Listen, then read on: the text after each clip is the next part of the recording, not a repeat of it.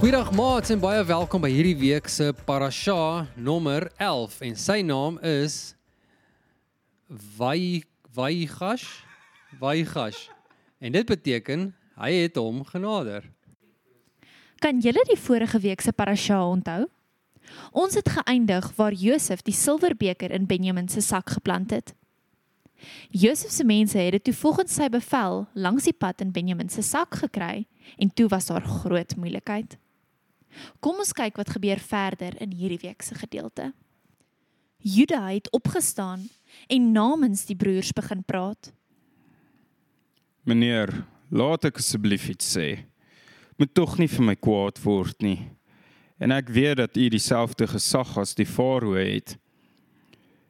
Meneer, u het gevra dat ons ons jongste broer sal bring.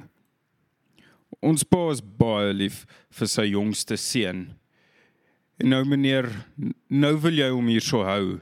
En ek durf nie sonder die seun na my pa toe teruggaan nie. Ons pa is baie lief vir hom en as hy sien dat die seun nie by ons is nie, dan sal ons pa sterf.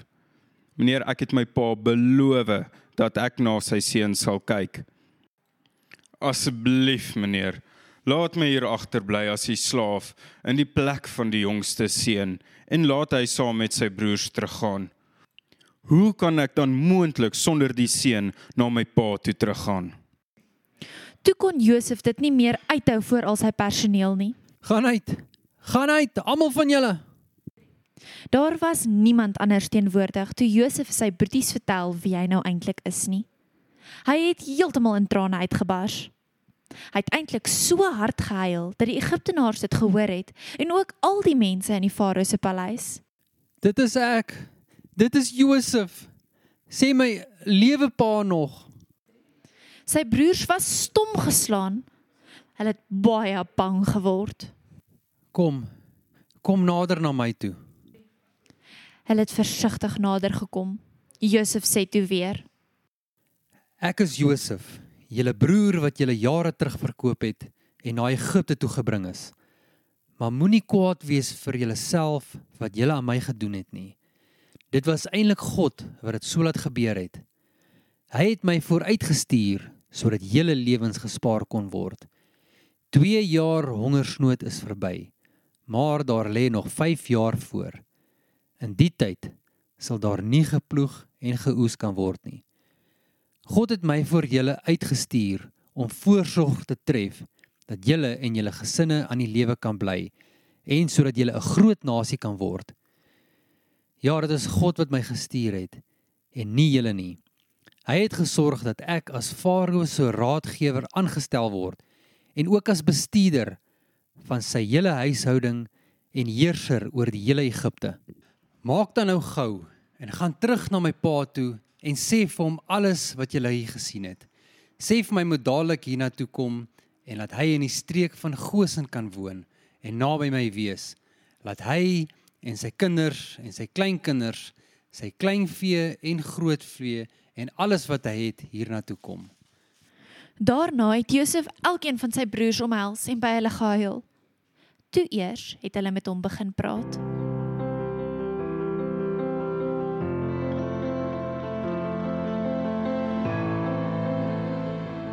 Die nuus het die farao baie gou bereik dat Josef se broers gekom het. Die farao en sy amptenare was baie bly om dit te hoor. Die farao sê toe vir Josef: Sê vir julle broers om hulle donkies op te saal en terug te gaan na Kanaan toe en julle pa en hulle gesinne na my toe te bring. Sê vir hulle: Farao sal die beste deel van Egipte aan julle gee. Van die room van die land sal julle geniet. Verder beveel ek jou dat hulle waans uit Egipte moet saamvat om daarop hulle vroue en kinders hulle pa hierheen te bring. Maar moenie eers bekommerd wees oor die besittings wat julle agterlaat nie, want die beste van Egipte behoort aan julle. Jakob se seuns het toe so gemaak. Josef het waans aan hulle verskaf soos wat die farao beveel het. Hy het ook vir hulle genoeg voorrade vir die reis gegee. Boonop het hy vir elkeen van hulle nuwe klere gegee. Benjamin het egter 5 stelle klere gekry en ook 300 stukke silwer. Vir sy pa, Jakob, stuur Josef toe 10 donkies saam, gelaai met die beste ware uit Egipte en 10 donkiemerries wat met graan en allerlei lekker kos gelaai was as padkos vir sy pa.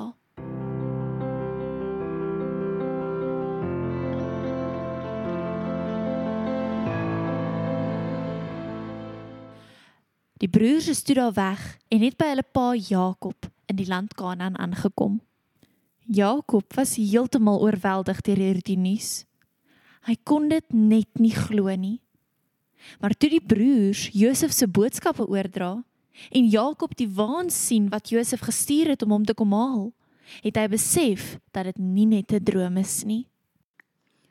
Dit moet waar wees. My seun Josef lewe regtig.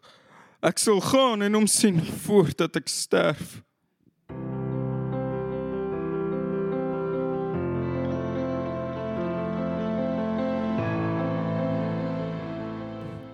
Jakob het met al sy besittings die reis na Egipte aangepak. Toe hy Beersheba bereik, bring hy offers aan die enigste God, die God van Isak, sy pa. In die nag het God in 'n visioen met hom gepraat. Jakob. Jakob, Ek luister. ek is God, die God van jou pa. Moenie bang wees om Egipte toe te gaan nie, want ek sal jou daar tot 'n groot nasie maak.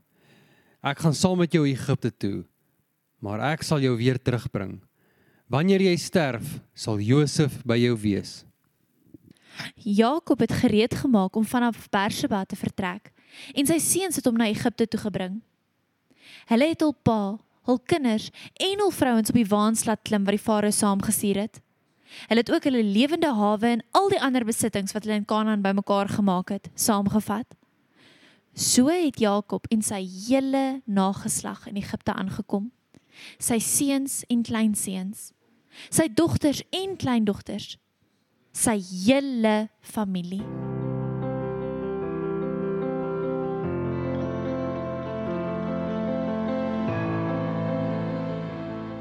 Jakob het Juda vooruitgestuur na Josef toe om vir hom te laat weet dat hy wat Jakob is op pad is na Goshen toe. Toe hulle daar aangekom het, het Josef sy wa laat inspan om self sy pa in Goshen te kan gaan ontmoet. Toe Josef by hulle aankom, het hy sy pa omhels en lank so op sy skouer gestaan en huil. Toe sê Jakob vir Josef: Nou kan ek maar sterf, want ek het jou met my eie oë gesien en weet nou dat jy nog lewe. Josef sê vir sy broers en sy hele familie: Ek gaan om vir Farao te vertel dat julle almal uit die land Kanaan aangekom het om saam met my te wees. Ek sal ook vir hom sê: Hierdie mense boer met klein en groot vee. Hulle het al hulle diere saamgebring en ook alles wat hulle besit. Wanneer Farao dan met julle praat en navraag doen na julle beroep, moet julle vir hom sê: Ons was ons lewe lank veeboere, soos ons voorvaders. As julle dit vir hom sê, sal hy julle hier in Goshen laat woon, want kleinveeboere word in Egipte verafskuw. Josef het na die farao toe gegaan en aan hom rapporteer. My pa en my broers is hier van Kanaan af. Hulle het met al hulle kleinvee en grootvee en ander besittings gekom en is nou in die Goshen streek. Josef het 5 van sy broers met hom saamgeneem en hulle aan die farao voorgestel. Wat is julle beroep? Ons is veeboere soos ons voorouers. Ons het gekom om as vreemdelinge hier in Egipte te woon, want daar is in Kanaan geen veiding meer vir ons vee nie. Die hongersnood is daar baie swaar. Ons vra u toestemming om in die Goshen streek te woon. Toe sê die farao vir Josef: Aangesien jou familie hulle nou by jou aangesluit het, kies gerus enige plek waar hulle kan woon. Geef vir hulle die beste van die land Egipte. Die Goshen streek sal goed wees. As enige een van hulle oor besondere vaardighede beskik, laat hulle ook oor my veeboerdery toesig hou. Josef het ook vir Jakob sy pa gebring en hom aan die farao voorgestel. Jakob het die farao geseën. Hoe oud is jy, Jakob? Ek lewe al 130 jaar as 'n vreemdeling. In vergelyking met my voorouers is my jare min, maar egter vol swaar kry. Net voordat Jakob vertrek, het hy weer die farao met 'n seëning gegroet. Josef het toe die beste deel van Egipte, die land van Ramses, aan sy pa en sy broers gegee sodat hulle hulle self daar kan vestig, net soos wat die farao beveel het.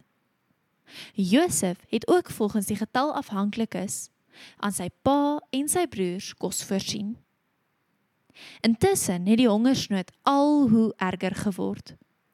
Die mense van Egipte en Kanaan het swaar daaronder gelei. Josef het baie geld ingesamel in ruil vir graan. Hy het die geld na die farao se skatkamers gebring. Toe die mense se geld, beide die mense van Kanaan en Egipte, alles op was, het hulle kompleet verkos. Ons geld is op. Gee ons asseblief kos om te eet. Uh, hoekom moet ons doodgaan van die honger? Aangesien julle geld op is, moet julle vee gee in ruil vir kos. Hulle het toe hulle vee gegee in ruil vir hulle perde, kleinvee, grootvee en donkies kon hulle minstens genoeg kos kry vir daardie jaar. Die volgende jaar kom hulle weer en sê: Ons kan dit nie vir u wegsteek nie. Ons geld is nou al op en ons lewende hawe behoort nog nou oor aan u. Ons het niks meer oor nie as net onsself en ons landerye. Hoekom moet ons hier voor u oë doodgaan? Koop ons en ons landerye in ruil vir kos. Ons sal dan vir Farao sy slawe word. Gee tog asseblief vir ons saad sodat ons nie van honger doodgaan en die grond nie onbewerk lê nie. Op hierdie manier het Josef die hele Egipte vir die farao opgekoop. Al die Egiptenaars het hul landerye verkoop as gevolg van die swaar hongersnood. Dit het die farao se eiendom geword. Die inwoners van Egipte oor die lengte en die breedte van die land het na die stede toe geskuif. Die enigste landerye wat Josef nie opgekoop het nie, was die van die priesters, want hulle het hul kos van die farao afgekry om te leef sodat dit nie nodig was om hul eiendomme te verkoop nie. Josef sê toe vir die mense van die land: Kyk, ek het julle en julle landerye vir Farao gekoop.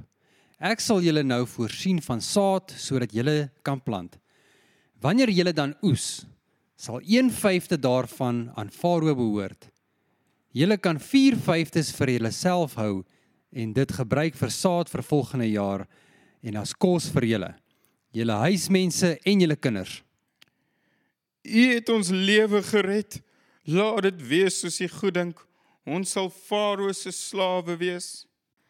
Josef het toe vir die hele Egipte bepaal dat die farao 1/5 van die opbrengs op sy landerye moet kry. Dis 'n bepaling wat nog steeds geld. Die Israeliete het hulle toe in Goshen gevestig. Hulle het hulle eiendom daar verkry en hulle getalle het vinnig toegeneem. Maats, hierdie was 'n baie interessante gedeelte in Abba Vader se woord en dit was baie lekker om saam met julle weer tyd te kon spandeer. Nou kom ons kyk volgende week wat gebeur verder met Josef en sy familie. Doodles noodles.